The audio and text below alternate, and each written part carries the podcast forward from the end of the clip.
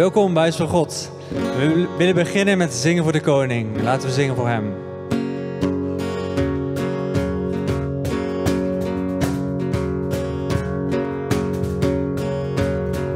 Zing voor de koning, het lam op de troon. Hij zal regeren, Gods enige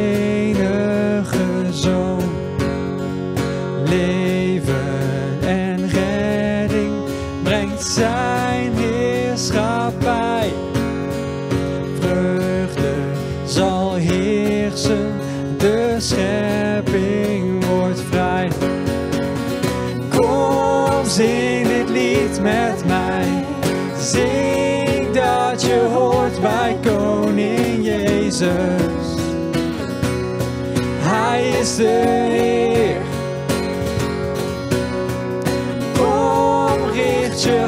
op Hem.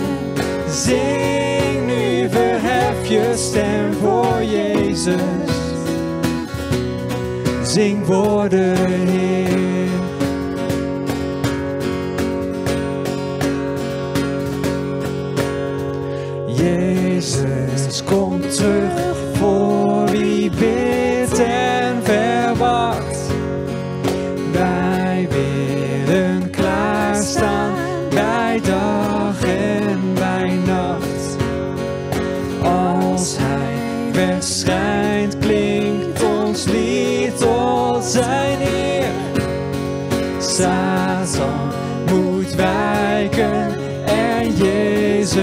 Regeert.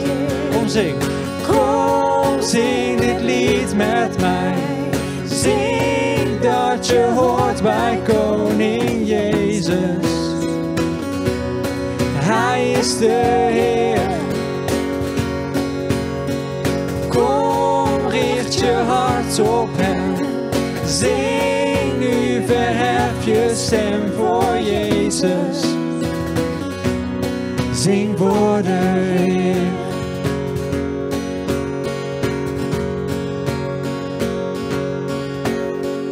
Jezus komt terug voor wie bidt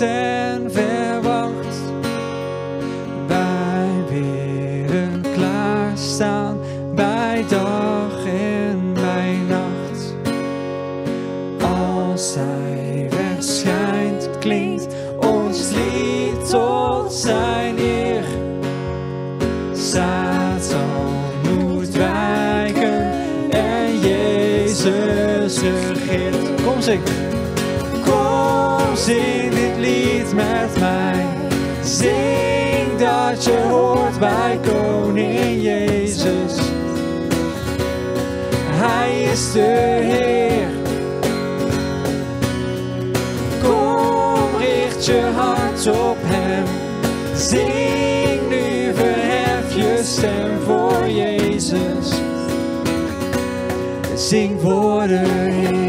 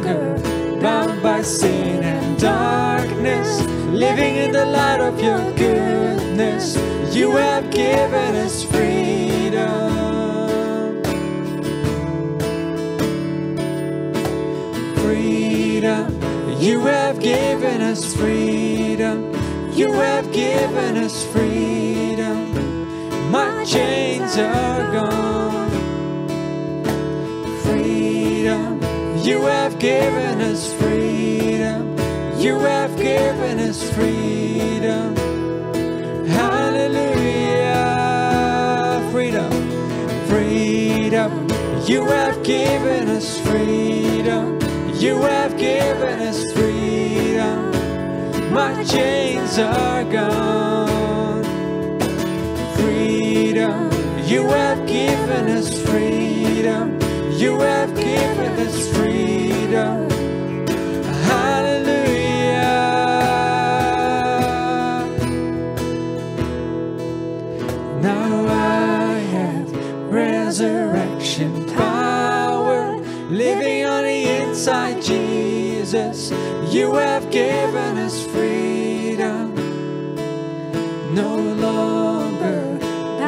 Sin and darkness, living in the light of your goodness. You have given us freedom. Now I have resurrection power living on the inside, Jesus. You have given us freedom.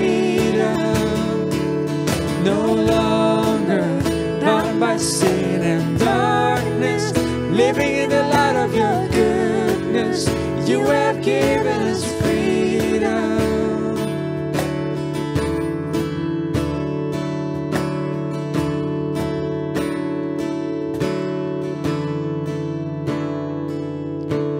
Jezus, hij kwam om ons leven te geven. Daarom verliet hij zijn vaderlijk huis. Hij gaf aan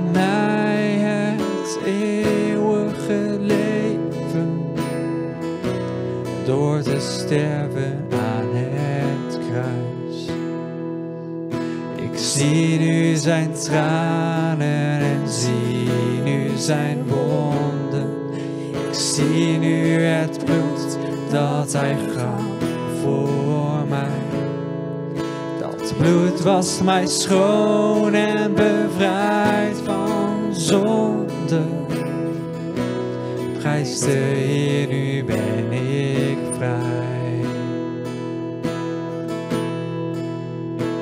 Ik ben zo dankbaar,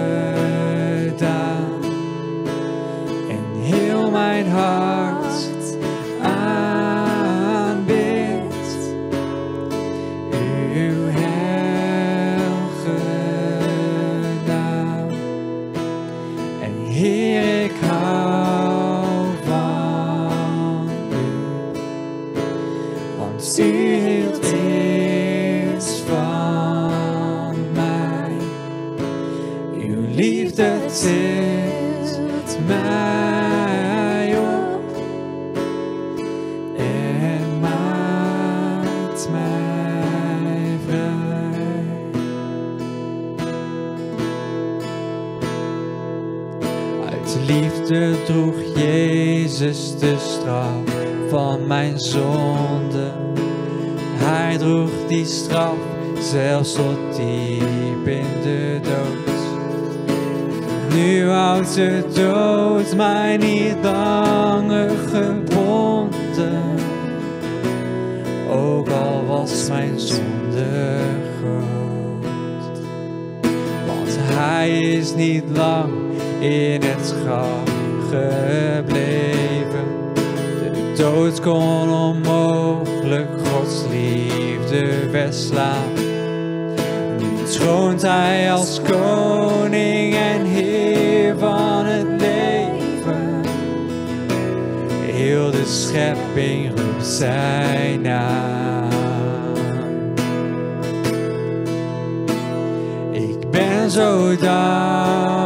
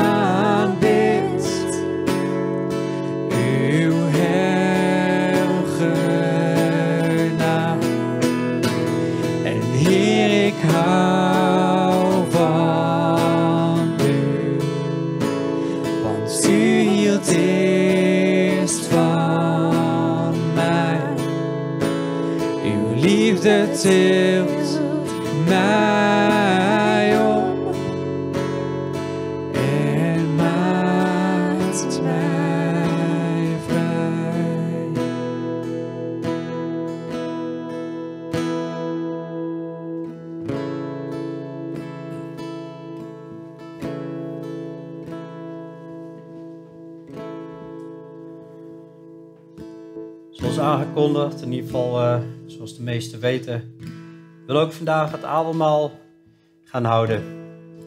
We hebben een eh, grote verlosser. De Heer Jezus Christus, Koning de Koning en Heere de Heere. Hij kwam naar de aarde. Hij kwam naar de aarde als een slaaf, hij liet zijn heerlijkheid achter. Hij ging door het slijk. Hij deed het allemaal om jou en mij te redden. Te redden van het eeuwige oordeel vanwege onze zonde.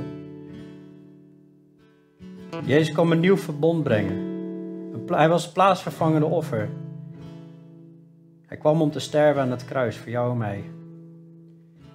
En om dat nooit te vergeten heeft Jezus gezegd: Ik wil dat jullie het avondmaal houden. Ik wil dat jullie aan mij dooddenken. En zegt Paulus in 1 Korinthe 11 vers 23: Ik heb van de Here ontvangen wat ik u ook heb overgeleverd. Dat de Heer Jezus in de nacht waarin hij werd verraden, het brood nam. Nadat hij gedankt had, brak hij het en zei: Neem, eet, dit is mijn lichaam dat voor u gebroken wordt. Doe dat tot mijn gedachtenis.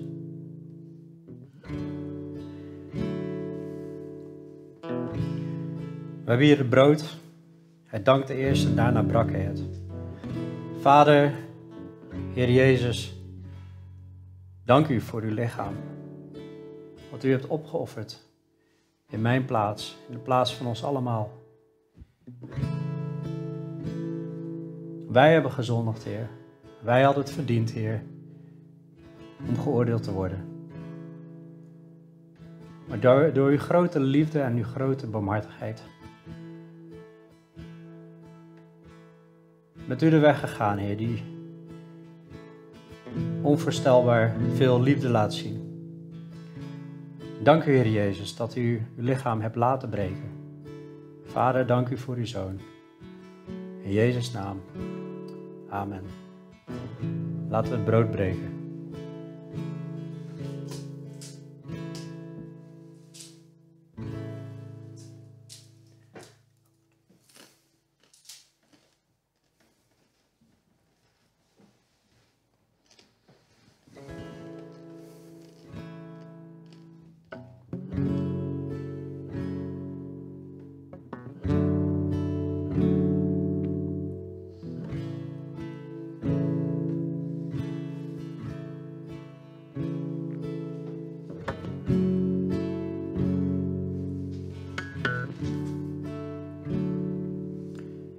Evenzo nam hij ook de drinkbeker na het gebruiken van de maaltijd.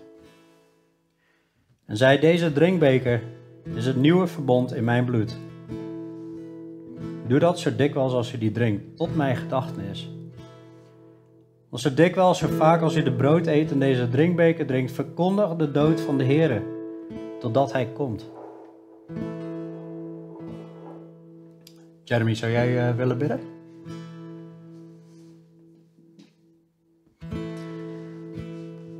Ja, Heer, we danken u deze dag, Heer, eh, voor wat u heeft gedaan, Heer. Dat u uit genade en uit liefde voor ons, Heer, toch gewoon besloot om ja, voor ons het offer te geven, Heer. Om, uh, om ons te redden, Heer. Wij die het niet verdiend hadden, Heer, die, uh, ja, die als mens tegen u in opstand kwam, Heer. Die, de mens die liever ja, zelf eigenlijk alles in touwtje in handen wilde hebben. En eigenlijk keer op keer eigenlijk weer verkeerde keuzes maakte, Heer. Maar, maar u kwam en u redde ons, Heer. Om, om ons rechtvaardig te kunnen vergeven, Heer. En omdat u wilt dat we, dat we met u leven, Heer, straks. En nu al persoonlijke relatie, Heer, omdat u het goede met ons voor heeft en u het aanbiedt, Heer, voor ieder die het, die het accepteert, die gelooft in uw naam.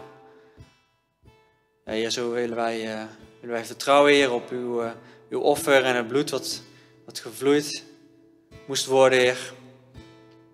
Ja, en daar zijn we u zo dankbaar voor, Heer. En, uh, u wilt ons helpen beseffen om daarbij stil te blijven staan, Heer. En, ja, zo en nu ook te denken hier, door ook, het, uh, door ook de drinkbeker te nemen, Heer. En ja, te gedenken wat u voor ons gedaan heeft, Heer. In Jezus' naam. Amen. Amen.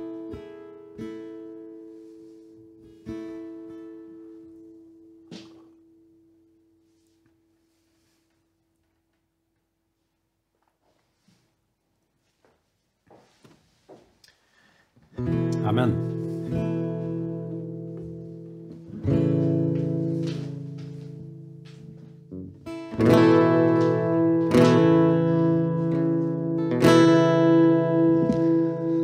We nog één keer zingen. Ik ben zo dankbaar, voor wat u heeft gedaan. Dat we met heel ons hart aanbidden. Alleen in zijn naam. En we houden van hem. Hij ons eerst lief heeft gehad. En wat hij voor ons gedaan heeft. Laten we zingen. Ik ben zo dankbaar, Heer, voor wat u heeft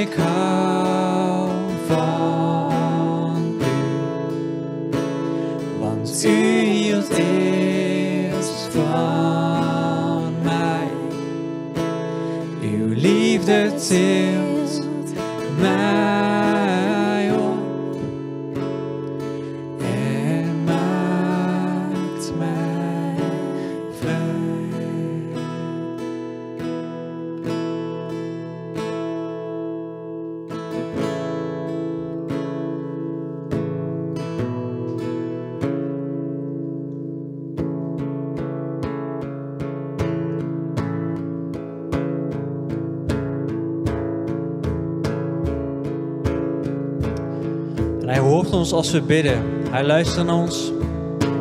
En hij strijdt voor ons. En dat mogen we ook zingen. De strijd is gewonnen. Tegelijkertijd doen we mee aan een strijd.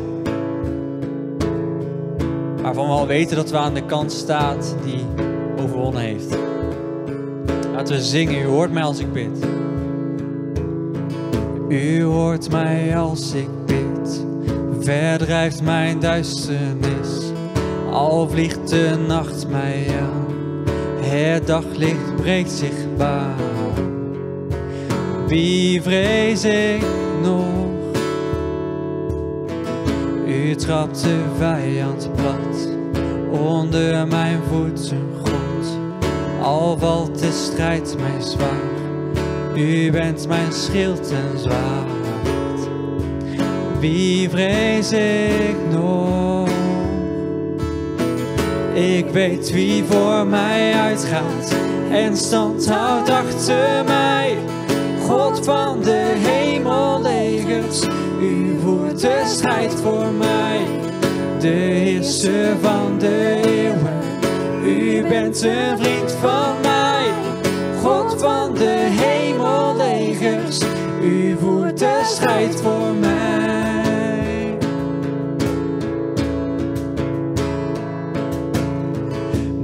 Kracht is in uw naam, de naam die redden kan. O God die mij bevrijdt, u overwint altijd. Wie vrees ik nog? Wie vrees ik nog? Ik weet wie voor mij uitgaat en stand houdt achter mij.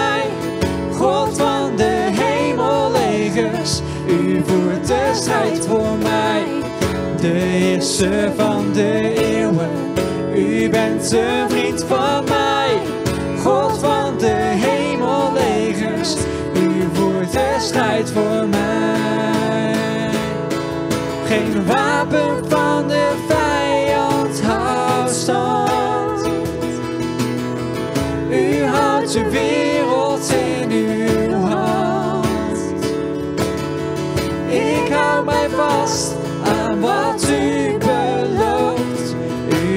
U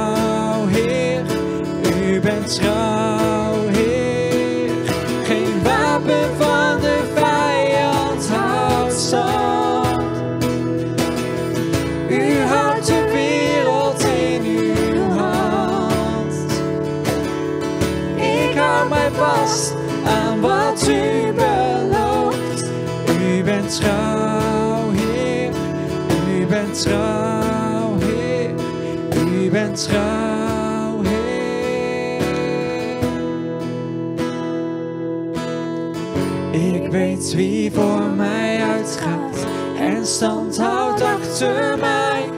God van de hemellegers, u voert de strijd voor mij.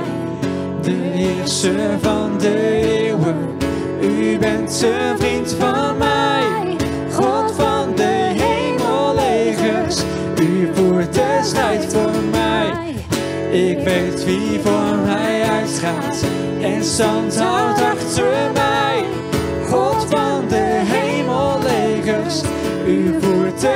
Voor mij. De heerser van de eeuwen, u bent een vriend van mij. God van de hemellegers, u voert de strijd voor mij. God van de hemellegers, u voert de strijd voor mij.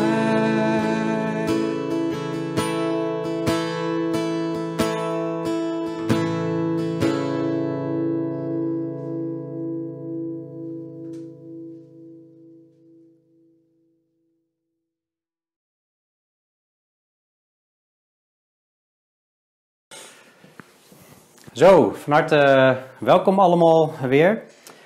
Ehm, ja, ik moet wel zeggen dat ik eh, iedereen wel echt begin te missen. We zitten al echt in eh, de zoveelste week van de, nou ja, goed, de intelligente lockdown. En ja, ik verlang er gewoon echt naar iedereen weer te zien en gewoon ja, lekker met elkaar te babbelen en fellowship te hebben, en lunches te hebben, samen te bidden. Oké, we hebben Zoom, hè, dat is een prachtig middel, maar toch, hè, live is anders. Maar uh, het is goed dat we dat ook mogen beseffen. En ook uh, alle bezoekers die de laatste tijd geweest zijn, ja, net zo goed. En misschien zijn er mensen die ook meekijken met deze serie, die nog nooit bij ons op bezoek zijn. Maar ook van harte welkom. En nou, het is prachtig dat we dit zo nog online kunnen doen. En ja, toch een stukje fellowship hebben zo. En na afloop gaan we ook weer met Zoom tijd nemen voor gebed. En gewoon even weer wat praten met elkaar. Goed, ik wil uh, bidden voor deze preek. Hemels Vader, Heer Jezus, Heer, ik uh, dank u dat we weer naar uw woord mogen kijken. We danken u dat we uw woord hebben gekregen. Wilt u ons opbouwen? Wilt u ons versterken? Heer, we naderen zo het einde, Heer, van uh, ja, de prekenserie over geestelijke strijd. Maar Heer, wilt u ons helpen om het toe te passen? En met name als we gaan hebben over het, ja, het punt van gebed vandaag, Heer, wat zo ontzettend belangrijk is. Heer, wilt u dat uh, krachtig gaan bewerken in ons leven, dat we dat toe gaan passen en ook echt uh, in de wapenrusting gaan wandelen. Want er is strijd, er, uh, er is altijd strijd en, en anders, anders, komt die ook wel weer, als hij nu even niet is, Heer. En wilt u ons zo helpen om te staan voor u en dienaren van u te zijn en ja, dat we stand houden. In Jezus' naam, amen. Goed, we zijn aangekomen bij de elfde preek in de serie van de geestelijke wapenrusting. En vandaag zal het gaan over gebed. En gebed dat is een heel krachtig wapen. Ik noem het specifiek even wapen, omdat het bij de geestelijke wapenrusting ook staat. We hebben al die onderdelen hebben we nou behandeld. Als het goed is weten we nu allemaal, en anders kun je de preken terugkijken, hoe je de geestelijke wapenrusting aan moet doen. Elk onderdeel behandeld. Voeten geschoeid met de bereidwilligheid van het evangelie, de schild van het geloof, zwaard van de geest, borstharnas van de gerechtigheid en de helm van de zaligheid. Daar hebben we veel inzicht in gekregen. De riem van de waarheid niet te vergeten overigens. Maar hier zegt hij nu op het eind, neem de helm van de zaligheid, zwaard van de geest, dat is Gods woord, terwijl u bij elke gelegenheid met alle gebed en smeking bidt in de geest en daarin waakzaam bent, met alle verharding en smeking voor alle heiligen. Bij elke gelegenheid, met alle gebed en smeking, bidden in de geest en daarin waakzaam zijn met alle verharding en smeking voor alle heiligen. Nou, waarom is dat belangrijk? Nogmaals, als je de tekst leest, we hebben hem heel vaak gelezen, we moeten gesterkt worden in de Heer en in de sterkte van zijn macht. En ons bekleden met de hele wapenrusting van God, opdat u stand kunt houden tegen listige verleidingen van de duivel.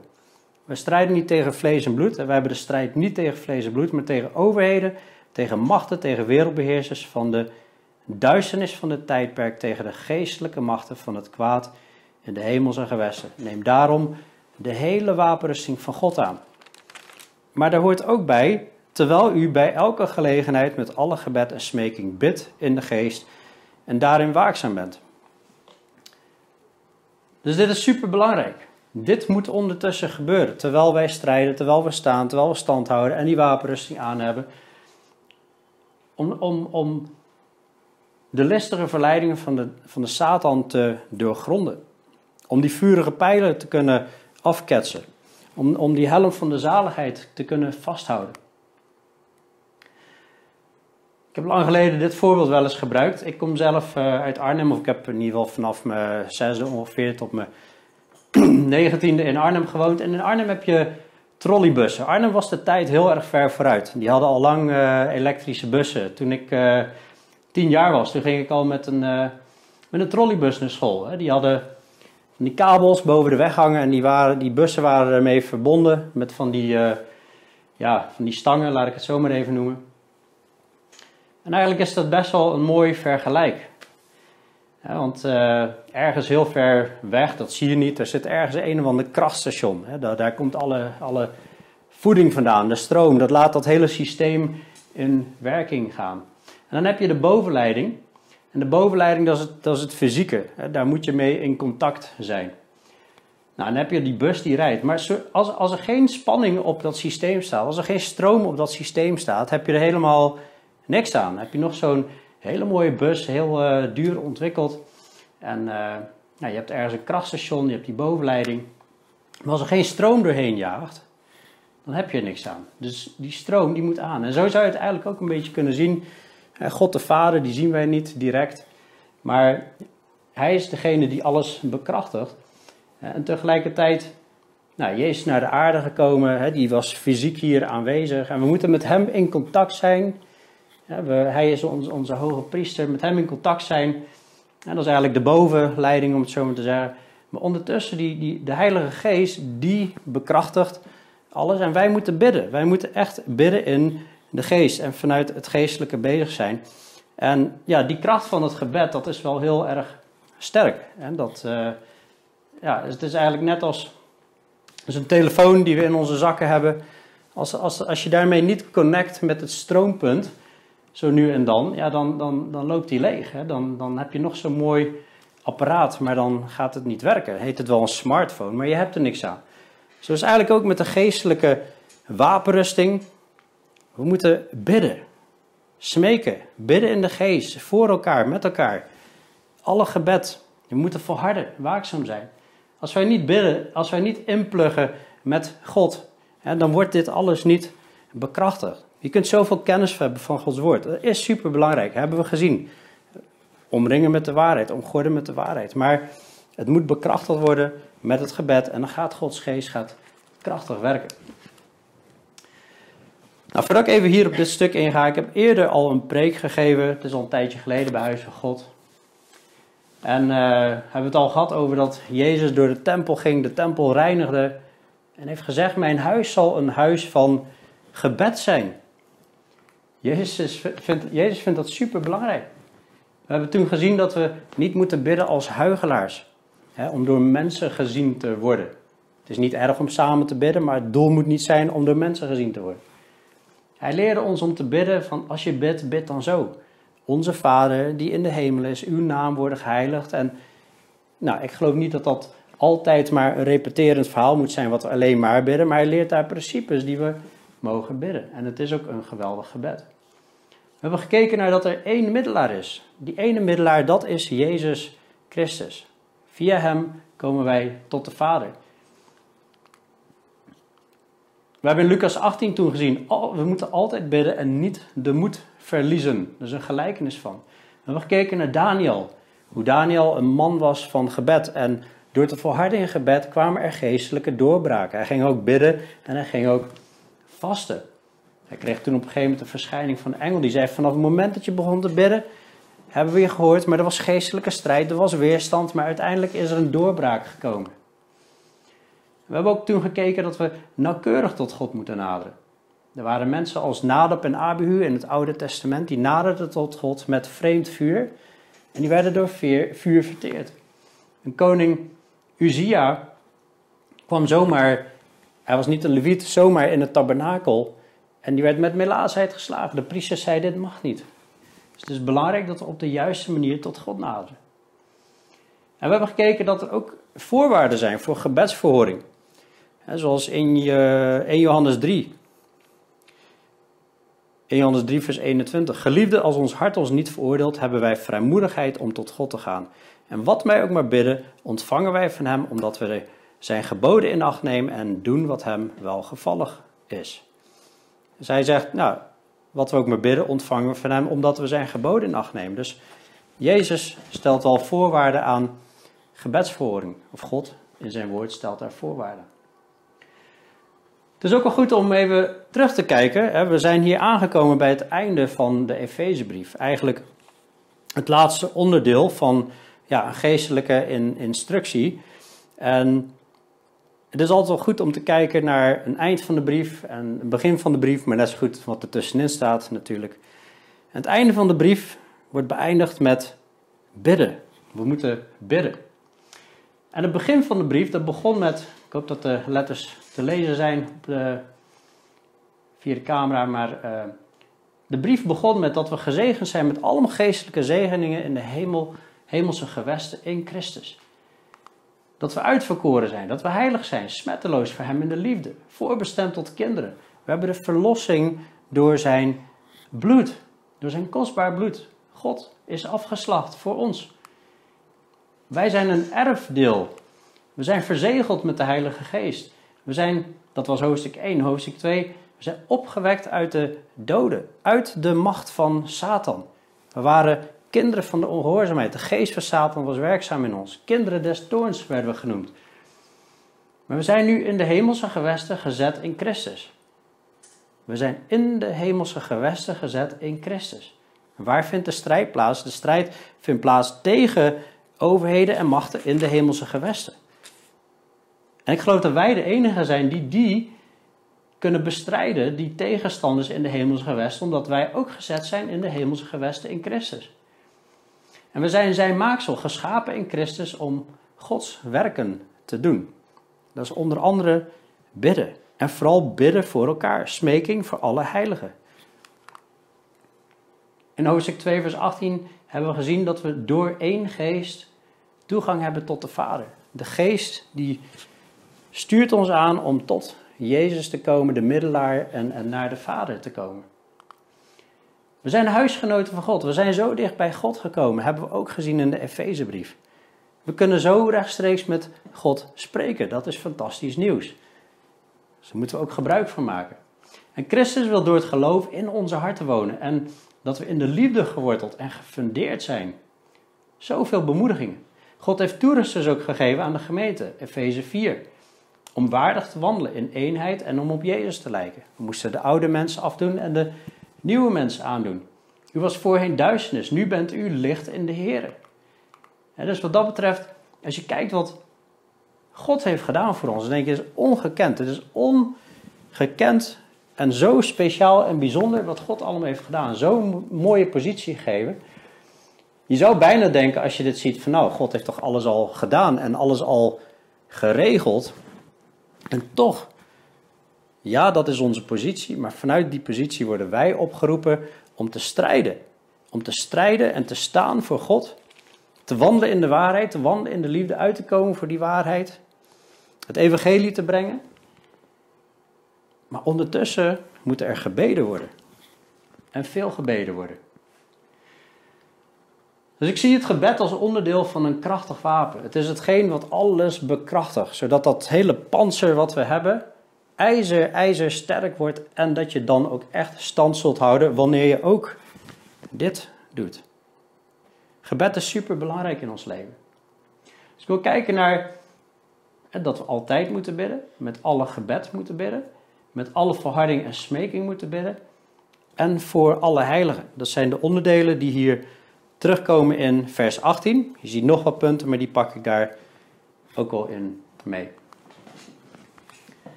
Nou, terwijl u bij elke gelegenheid met alle gebed en smeking in de geest bidt en daarin waakzaam bent met alle verharding en smeek voor alle heiligen. Dus terwijl u bij elke gelegenheid met alle gebed bidt. Bij elke gelegenheid. we hebben ook gezien in die vorige preek, moeten altijd bidden en nooit ophouden.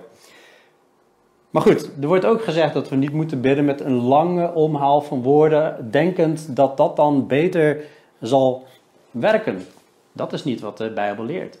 We mogen wel veel bidden, we mogen ook wel lang bidden.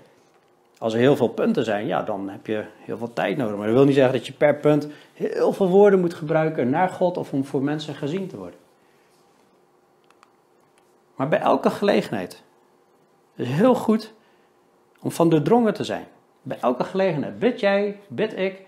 Bij elke gelegenheid. En het gaat hier niet om voor jezelf bidden, maar voor alle heiligen. Dat betekent als je op bezoek gaat, of als je weet anderen gaan ergens op bezoek, christenen gaan op bezoek ergens. Of er is een dienst uh, waar ik naartoe ga, of in ieder geval die ik nu bijwoon via de digitale weg. Of er is een vergadering, of er is een spontaan gesprek. Ik kom ineens spontaan met iemand in gesprek. Of ik, ik, zie iemand anders met iemand spontaan in gesprek. En hoewel het hier gaat voor bidden voor alle heiligen, pak ik het ook even wat breder af en toe. Maar bij elke gelegenheid moeten wij bidden. Ook bij het eten mogen we bidden. We mogen danken en bidden voor gezegende tijd, voor gezegend eten. Maar ook als mensen bijvoorbeeld op vakantie gaan. Juist als je, als je op vakantie gaat. Bij elke gelegenheid moet je bidden. Mijn vrouw en ik hebben ontdekt wanneer wij rust gaan pakken. Of wanneer wij weten andere mensen gaan rust pakken. Het is super belangrijk om juist dan te bidden.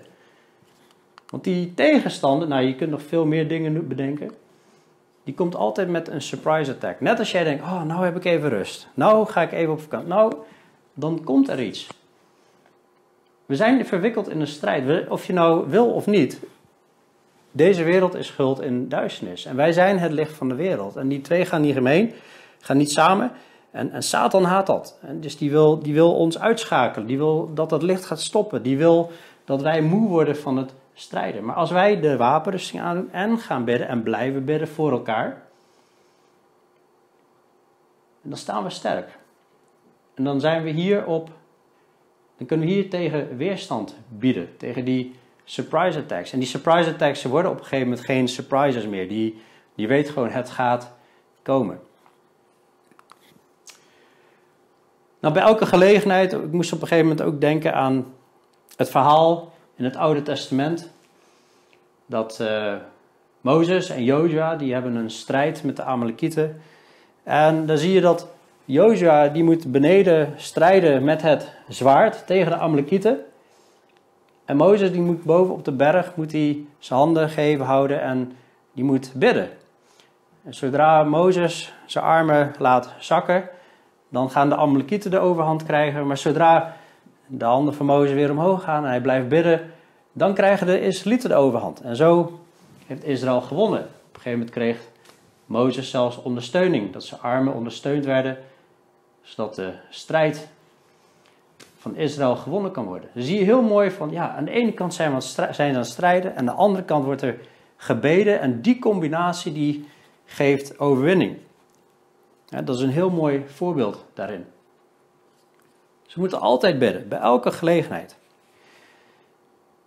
En hoe moeten we dan bidden? Met alle gebed en smeking moeten we bidden in de geest en daarin waakzaam zijn met alle verharding en smeking voor alle heiligen. En met alle gebed, wat betekent dat nou? Nou, allereerst gewoon bidden, gebed. Bidden betekent vragen. Dat is een oud woord voor vragen. Smeking, dat is letterlijk een nederig gebed. In het Engels is supplication. En, en een nederig gebed, dat, dat betekent dat je een houding hebt van... Heer, hier, hier ben ik. Ik ben uw dienaar. Ik, ik kan niks zonder u. Ik ben eigenlijk maar een, een, een nietig mens. Ik heb u zo hard nodig. Wilt u alstublieft, wilt u alstublieft. Dat is zeer, een zeer nederige houding. En dan ga je smeken. Smeken en bidden. Nou, je hebt allerlei vormen van gebed. Hè? Je moet met alle gebed en smeking bidden in de geest. Je hebt natuurlijk dankzegging. Bidden, smeken. Je kunt bemiddelen voor iemand.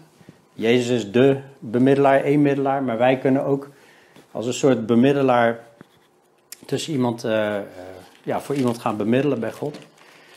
Maar ook dankzegging, dat is een, heel groot wapen. We hebben eerder gekeken, in, uh, gezien in, in Efeze, dat ehm, dat was in Efeze 5, vers 20 staat. daarvoor heeft hij het ook woord vervuld met de geest en zo. En dank altijd voor alle dingen. Efeze 5, vers 20. Dank altijd voor alle dingen God en de Vader in de naam van onze Heer Jezus Christus. We hebben er toen ook bij stilgestaan dat als wij dankbaar zijn, dan richten wij ons op God. Dan danken we de Vader. Dank u Heer voor mijn eten. Dank u. En dan ben je tevreden.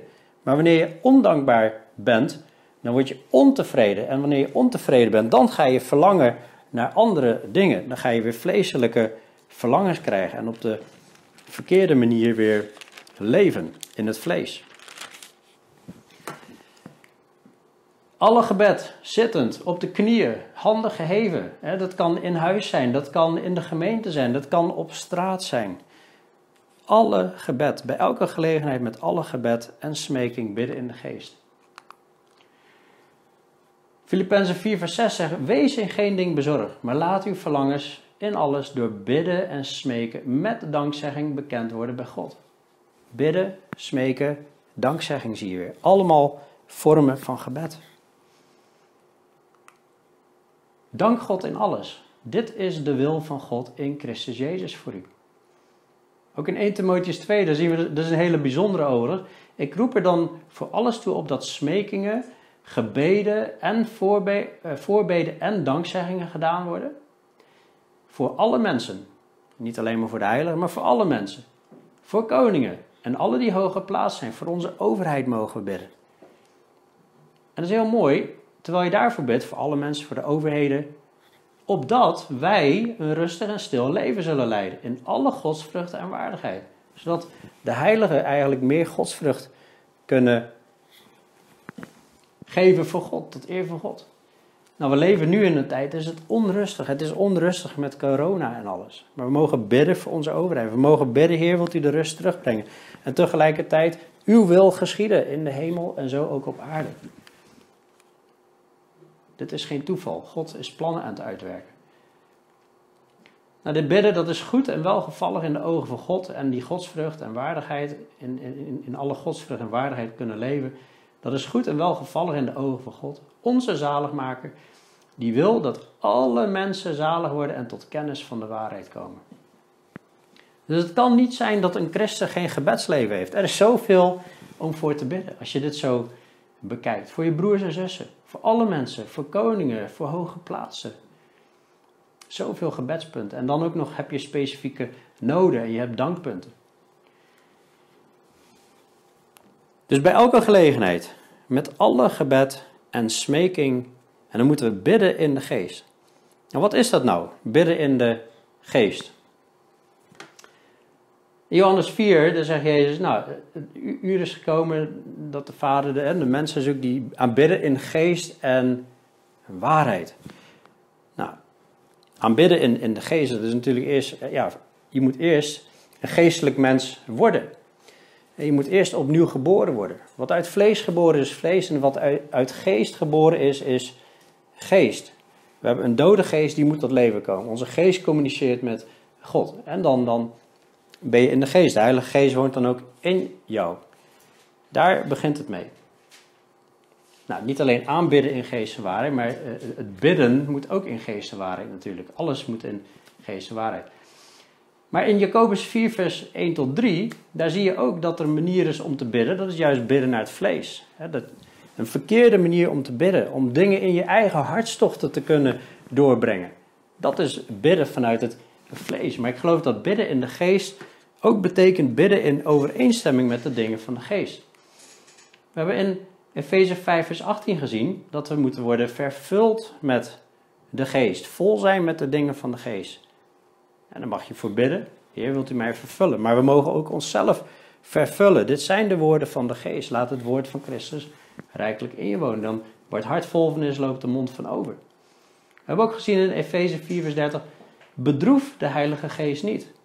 Hoe doe je dat? Door te liegen, door te stelen, door boos te blijven. Dan geef je de duivel uh, plaats, uh, vuile taal gebruiken enzovoort. Dan ben je niet in de geest, dan ben je de geest aan het bedroeven en, en eigenlijk aan de kant schuiven. Blus de geest niet uit, 1 Thessalonicense 5 vers 19. En gelaten 5 Romeinen 8 die spreekt heel duidelijk over, we moeten wandelen door de geest. En dan zullen we de werken van het vlees niet volbrengen. En als wij wandelen door de geest in overeenstemming met de dingen van de geest, dan gaan we ook bidden in overeenstemming met de dingen van de geest. Dan gaan we bidden in Jezus' naam. Het is ook de geest van Christus die in ons woont. Dan gaan we bidden in zijn naam in overeenstemming met zijn wil. Ik geloof dat dat bidden is in de geest. We bidden tot de Vader in Jezus' naam door of in de Heilige Geest. Wat ik heel uh, pertinent niet geloof, is dat er wordt wel eens aan, uitleg gegeven aan deze door charismatische christen, dat bidden in de geest hier betekent, uh, je moet bidden in tongentaal. Maar er is helemaal niks in deze brief wat daarop wijst. Als je ook kijkt dat uh, hij hier gewoon zegt dat we moeten bij elke gelegenheid moeten we gewoon gaan bidden. Ja, waarom zou je dat moeten doen? Om voor die gelegenheid te gaan bidden natuurlijk. Met alle gebed. Hij heeft hier over alle vormen van gebed en smeking. En waakzaam zijn. Met alle verharding en smeking voor alle heiligen. En Paulus geeft hier zelfs een voorbeeld. Direct hierna, in vers 19 en 20. Bid ook voor mij, opdat mij het woord gegeven wordt bij het openen van mijn mond, om mij met vrijmoedigheid het geheimenis van het evangelie bekend te maken, waarvan ik een gezant ben in ketenen, opdat ik daarin vrijmoedig mag spreken zoals ik moet spreken. Dus, dus gewoon Jantje Pietje taal, hij zegt, bid voor mij dat het woord van God verspreid mag worden.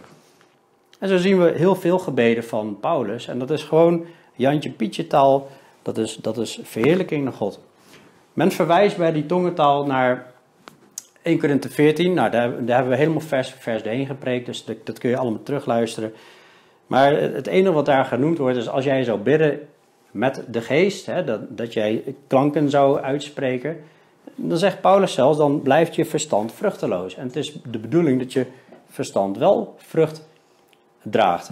En het hele principe van 1 Korinthe 14 is continu, jongens, jullie zijn bezig met die talen, maar dat bouwt de gemeente niet op. Vanaf hoofdstuk 12 tot 14 spreekt hij zeven, acht keer over de graven zijn bedoeld om de gemeente op te bouwen. En dat zijn jullie niet aan het doen.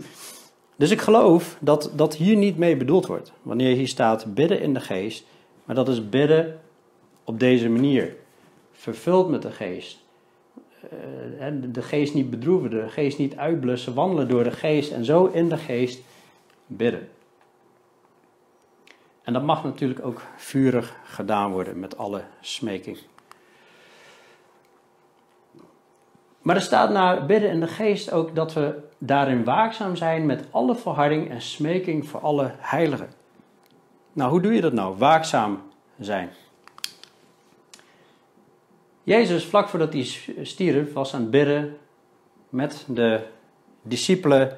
En die zei heel duidelijk: Waak en bid, opdat u niet in verzoeking komt. De geest is wel gewillig, maar het vlees is zwak. Hij riep ze op te bidden. Oh, en ze viel in slaap. En kunt u nog niet één uur met mij waken? En ik zou een huigelaar zijn als ik zeg dat ik altijd een uur bid en, en vurig ben. En dat is voor iedereen een battle. En daar moeten we waakzaam in zijn. Ook, ook, ook mijn gebedsleven, ook gebedsleven van andere voorgangers die ik spreek. Ja, dat heeft soms de neiging in een sleur te raken. Maar elke keer, dan moet er een alarm afgaan van, oh wacht, ik begin weer te verslappen. Oh, scherp blijven, waakzaam zijn. Waakzaam zijn en bidden. Efeze 5 vers 14 sprak over ontwaak, u die slaapt en sta op uit de doden en Christus zal over u lichten. Dus ook ontwaken, wakker worden, wakker blijven natuurlijk. Let er dan op dat u nauwkeurig wandelt, niet als dwazen, maar als wijze en buiten de geschikte tijd uit. Omdat de dagen vol kwaad zijn. Wees daarom niet onverstandig, maar begrijp wat de wil van de Heer is. Dus nauwkeurig wandelen, waakzaam zijn in dit alles. Wees scherp, blijf bidden, blijf in het woord. Hou elkaar scherp, waakzaam zijn. In Nehemia, daar waren we mee bezig voordat het coronavirus begon op de woensdagavonden. Heb ik gezien hoe er continu, continu strijd was. En dan komen de tegenstanders. Er zijn de muren van Jeruzalem aan het bouwen. Die was verwoest. Israël was 70 jaar in gevangenschap gegaan. Alles wordt opnieuw opgebouwd.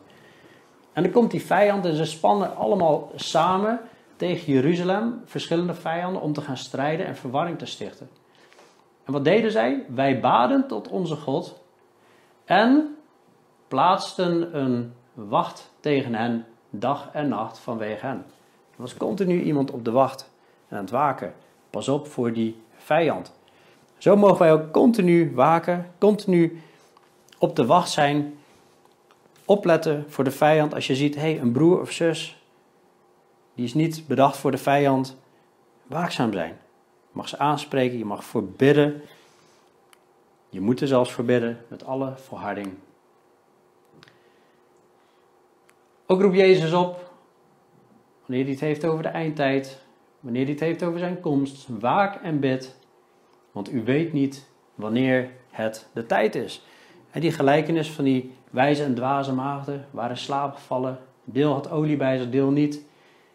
En die waren voorbereid op de komst van de Heer. Dus we moeten eigenlijk een, een detectiesysteem in ons hebben. Gewoon continu alert zijn. Net zoals een rookmelder, zodra er rook is, piep, piep, piep, piep, en die gaat af. Zodra er verslapping komt, moeten wij een soort detectiesysteem hebben. Piep, piep, piep, moeten alarmbellen, moeten afgaan. Oh, wacht, ik ben weer niet scherp in mijn gebed. Oh, ben jij scherp in je gebed? Mogen elkaar vragen. Ben je nog scherp in je gebed? Ben je nog vurig in bidden? En dat mogen we doen met alle verharding en smeking voor alle heiligen.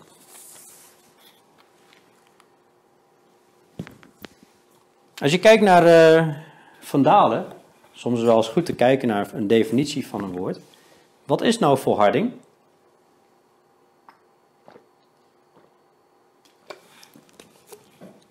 Heel simpel. Niet opgeven.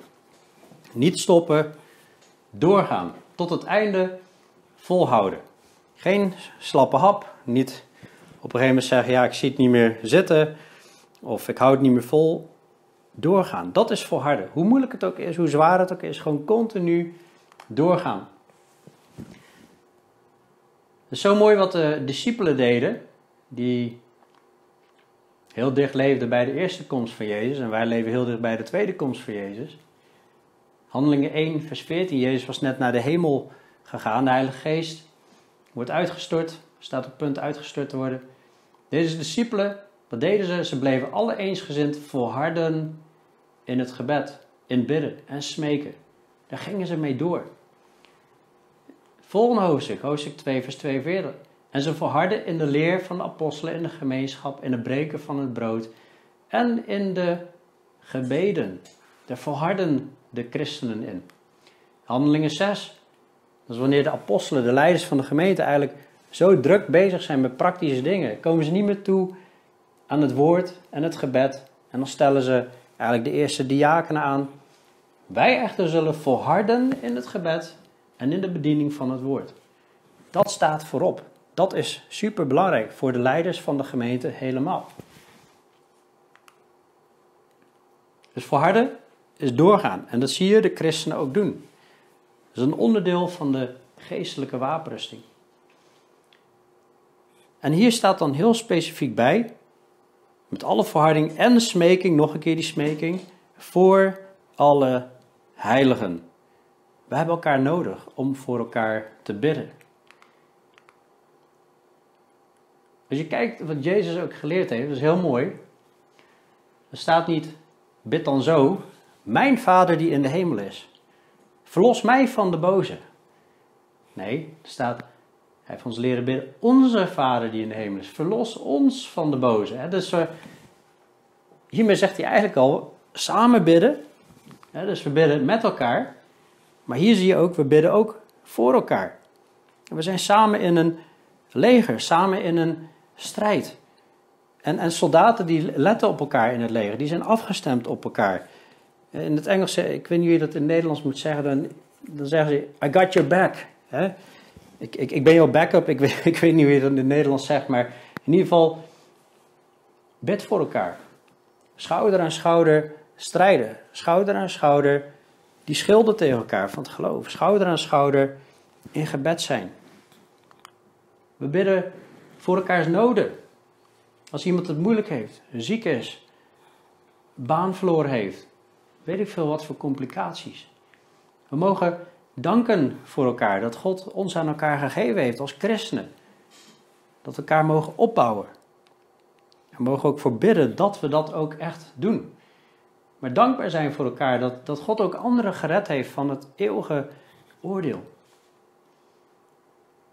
We mogen bidden voor vrede en voor liefde onderling en voor eenheid. Dat de Heilige Geest dat bewerkt en dat ons vlees daar niet tussen staat. En we hebben gezien dat Paulus zelf ook een gebedsverzoek heeft. Paulus zegt: Bid ook voor mij. Opdat mijn, mij het woord gegeven wordt bij het openen van mijn mond, om, mij, om met vrijmoedigheid het geheimenis van het evangelie bekend te maken. Waarvan ik een gezondene ben, een gezant ben in de kettingen. Opdat ik daarin vrijmoedig mag spreken, zoals ik moet spreken. En terwijl hij vraagt om gebed voor hem, is hij nog steeds bezig met anderen. Hij zit niet hier, oh, bid voor mij, want ik zie het allemaal niet meer zitten. En ik uh, word hier helemaal simpel van. En het wordt tijd dat God eens een keer ingrijpt. En mij bevrijdt van mijn kettingen en mijn vervelende situatie. Nee, Paulus accepteert dat. Hij is vooral bezig maar met, oh, geef mij toch vrijmoedigheid om het woord van God te mogen delen. Daar mogen we ook voor bidden. En uiteindelijk zie je ook in vers 21, en opdat ook u weet hoe het met mij gaat en wat ik doe, zal Tychicus, de geliefde broeder en trouwe dienaar in de Heer, u dat allemaal bekendmaken. Dus hij wil ook nog eh, dat zij bidden, de Efeziërs bidden, en stuurt, Tychicus, uh, stuurt Paulus Tychicus, zodat hij hun vertelt en wat er uiteindelijk met hun gebeden gebeurd is. Met dat doel heb ik hem naar u toegestuurd, opdat u onze omstandigheden zou kennen en hij uw hart zou vertroosten. Ja, dus Paulus, die heeft ook gebedsverzoeken, maar zijn gebedsverzoeken is niet eens op zichzelf gericht, maar op het evangelie en de woordverkondiging. En dat hij vrijmoedig mag spreken. Jouw gebed kan in ieder geval een ander helpen om Satan te verslaan. Als we met z'n allen gaan bidden wanneer iemand echt in een battle zit. En we zitten allemaal in battles. Denk niet dat jij de uitzondering bent. We zitten allemaal in battles. Je mag bidden voor de ander. Dat hij uit die battle komt. Dat Satan verslagen zal worden. En zijn overwinning zal jou dan ook weer helpen. Want één, dan zie je, oh wauw, God heeft een gebed verhoord. Er is een overwinning behaald. Dan word je weer door bemoedigd. Maar als die ander in plaats van af te haken overwint. En die gaat nog meer vruchten dragen. En weer andere mensen bereiken. Word je er ook weer door bemoedigd. En misschien gaat hij jou ook wel weer persoonlijk bemoedigen. Dus het is allemaal winst. Dus dat gebed is super belangrijk. Ik begon op een gegeven moment met deze plaatjes. Dat we de strategieën van de vijand moeten kennen. Daar hebben we heel erg lang bij stilgestaan. En dan gaan we op pad en dan gaan we strijden. Ja, we zullen tegenslagen hebben, maar we moeten echt die schilden van het geloof ophouden. Het plaatje klopt niet helemaal. Hier hebben ze speren, wij hebben dan een zwaard. Oké.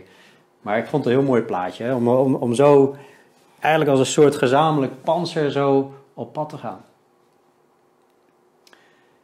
Maar goed, het gaat ook wel eens mis. Volgende keer, Onno, heeft het op het hart gekregen om, om ook nog een preek te brengen in de serie Geestelijke Strijd.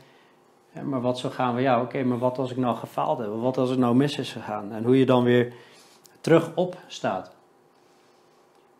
En dat is ook belangrijk. Maar als we doen wat hier staat en wat in de Fezenbrief staat, we doen dat nauwkeurig. Dan geloof ik dat we niet eens onderuit hoeven te gaan. Maar we weten ook, het vlees is zwak, de geest is gewillig, maar we moeten strijden voor elkaar. Nou, ik heb nog even een vraag, een paar vragen voordat we afronden. Hoeveel bid je op dit moment? Hoeveel bid je nu per dag? Ik weet dat de Bijbel helemaal niet zegt van, oh, je moet zoveel uur per dag bidden. En als je zoveel uur per dag bidt, dan, uh, nou, dan uh, kun je weer afchecken. Maar het is natuurlijk een vraag om even bij stil te staan. hey, hoe is mijn gebedsleven op dit moment? Het is goed te beseffen dat 15 minuten is ongeveer 1% van je tijd. Bid je wel eens 1% van je tijd? Ik heb de vorige keer toen ik het had over bidden, heb ik een uitdaging meegegeven om drie maanden 15 minuten per dag te gaan bidden, als je dat nog niet doet. Als je dat nog niet deed. Maar als je dat zo in perspectief ziet, dan denk je van, oh wauw, als ik nog niet eens 15 minuten bid, dan geef ik nog niet eens 1% van mijn tijd aan gebed. Dus mijn vraag is, als je dat niet doet, wil je 15 minuten per dag voor gemeenteleden en andere broers en zussen gaan bidden? Het, het, het, gaat niet om die 15 minuten natuurlijk. Als je, als je een half uur wil bidden, prima. Als je dat al doet, nou, maak er een half uur van. Maar ik denk dat de oproep hier echt is van, gebed is belangrijk. Wees daar echt mee bezig. Daniel die, die bad drie keer per dag. Dat was echt een strijder in het gebed. Het is ook goed, ik heb persoonlijk een lijst met namen. Als hier staat bid voor alle heiligen, begin maar eens in eerste instantie binnen je gemeente. Om te kijken, ja, wie zijn er allemaal binnen de gemeente? En ik bid niet alleen maar vanuit de lijst met namen, maar die heb ik er ook bij, zodat ik geen mensen vergeet. En dat is prachtig. Ik heb juni 2019 erboven gezet. Toen heb ik hem opgesteld. En daar bid ik voor. En ik zie al heel veel veranderingen in, in, in levens van mensen. En, en dat er stappen gemaakt zijn. En dat er mensen ook bij Huis van God gekomen zijn die op die gebedslijst stonden. Dat is zo mooi om te zien. Maar goed, als je meer dan 15 minuten uh, bidt, misschien kun je meer doen. Het is, het, het is maar even nu een, een bepaling om, om, om erbij stil te staan van hey, hoe is mijn gebedsleven? Maak ik daar eigenlijk wel tijd voor? Heb ik daar eigenlijk wel een moment voor op de dag? En als je een afspraak maakt, doe dat eens een half jaar en kijk eens wat God doet. Kijk eens terug van wat heeft hij gedaan. plan een moment in de agenda over een half jaar om te gaan zitten van, oh ik ga eens kijken, wat, wat heeft God allemaal gedaan het afgelopen jaar? Waar heb ik allemaal voor gebeden? Wat is er allemaal gebeurd? Dat is bemoedigend om te zien. Dan zie je dat God aan het werk is. En daarmee wil ik niet zeggen, nou, na dat half jaar hebben we genoeg gebeden en dan. Maar aan het eind van het half jaar is natuurlijk de bedoeling dat je weer. prik maar weer een nieuwe datum voor over een half jaar. En als je dat allemaal niet wil, ook prima. Maar het gaat erom, kijk naar je gebedsleven. Kijk naar je gebedsleven en Ik probeer alleen maar mee te denken. Als het, als het op dit moment niet lukt om, om handvatten te geven, om het praktisch te maken. Maar God heeft een weg gebaand door onze Heer Jezus Christus. Het voorrang is open en we kunnen vrij naderen tot de troon van genade. En God wil dat we daar gebruik van maken. Het is een gebod hier. Bekleed je met de hele wapenrusting. Neem de hele wapenrusting van God aan, opdat u weerstand kan bieden op de dag. Houd dan stand. Dat zijn drie geboden. En wat moet je ondertussen doen? Terwijl u bij elke gelegenheid met alle gebed en smeking bidt in de geest. En daarin waakzaam bent met alle volharding en smeking voor alle heiligen. Ik heb jullie gebed nodig. Jullie hebben mijn gebed nodig. Wij hebben allemaal elkaars gebed nodig, zodat God zijn werk kan doen in ons. Dus laten we dat krachtig doen. Zullen we bidden? Hemelse Vader, Heer Jezus. Heer, dank u dat u zoveel geeft in uw woord om ons te leren hoe we de vijand kunnen verslaan. Hoe we kunnen wandelen in het licht. Heer, hoe we zwaar bepanserd kunnen zijn. Hier in een wereld vol kwaad. Dank u dat u ons leert hoe we stand kunnen houden op de dag van het kwaad. Heer, dat we niet onderuit gaan. Help ons om voor elkaar te bidden.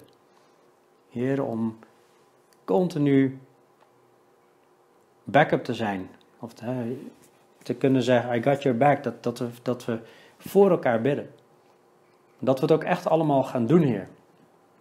Voor mensen binnen de gemeente. Voor mensen buiten de gemeente in Eindhoven. Christenen buiten uh, Huis van God in Eindhoven. Voor christenen in Nederland, voor christenen wereldwijd. Die vervolging hebben, verdrukking hebben. Heer, we bidden voor al deze mensen, voor uw gemeente wereldwijd, Heer. Dat er onderscheid mag zijn van geesten. Dat mensen vurig mogen zijn. Dat mensen met vrijmoedigheid uw woord zullen verkondigen. Dat mensen de waarheid in liefde zullen spreken. Dat er kennis zal zijn van uw woord, Heer. We weten dat het de eindtijd is en dat er een afval zal zijn in de laatste tijd. Maar Heer, totdat u nog niet bent teruggekomen, bidden we, Heer, dat er nog genade mag zijn, dat veel mensen tot bekering komen en dat u uw gemeente gebruikt. En in deze tijd van ja, het coronacrisis, wanneer veel mensen ja, in gemeentes elkaar niet zien, wil ik u bidden voor extra kracht, Heer. Dat u iedereen bijzonder vervult met uw geest. Heer, bijzonder uw nabijheid laat zien, Heer. Dat u ieder versterkt, Heer, in de geestelijke strijd. Heer, dat bidden we zo in Jezus' naam. En we danken u, Heer, dat u aan het werk bent en aan het werk gaat. Wilt u het werk wat u begonnen bent, wilt u dat volleinigen? In Jezus' naam. Amen. Amen. Ik heb uh, nog twee versen. En dan hebben we de Efezebrief hebben we klaar. Vrede zij de broeders en liefde met het geloof. Vrede zij de broeders en liefde met geloof van God de Vader en van de Heer Jezus Christus. De genade zijn met allen die onze Heer Jezus Christus in onvergankelijkheid liefhebben. Amen.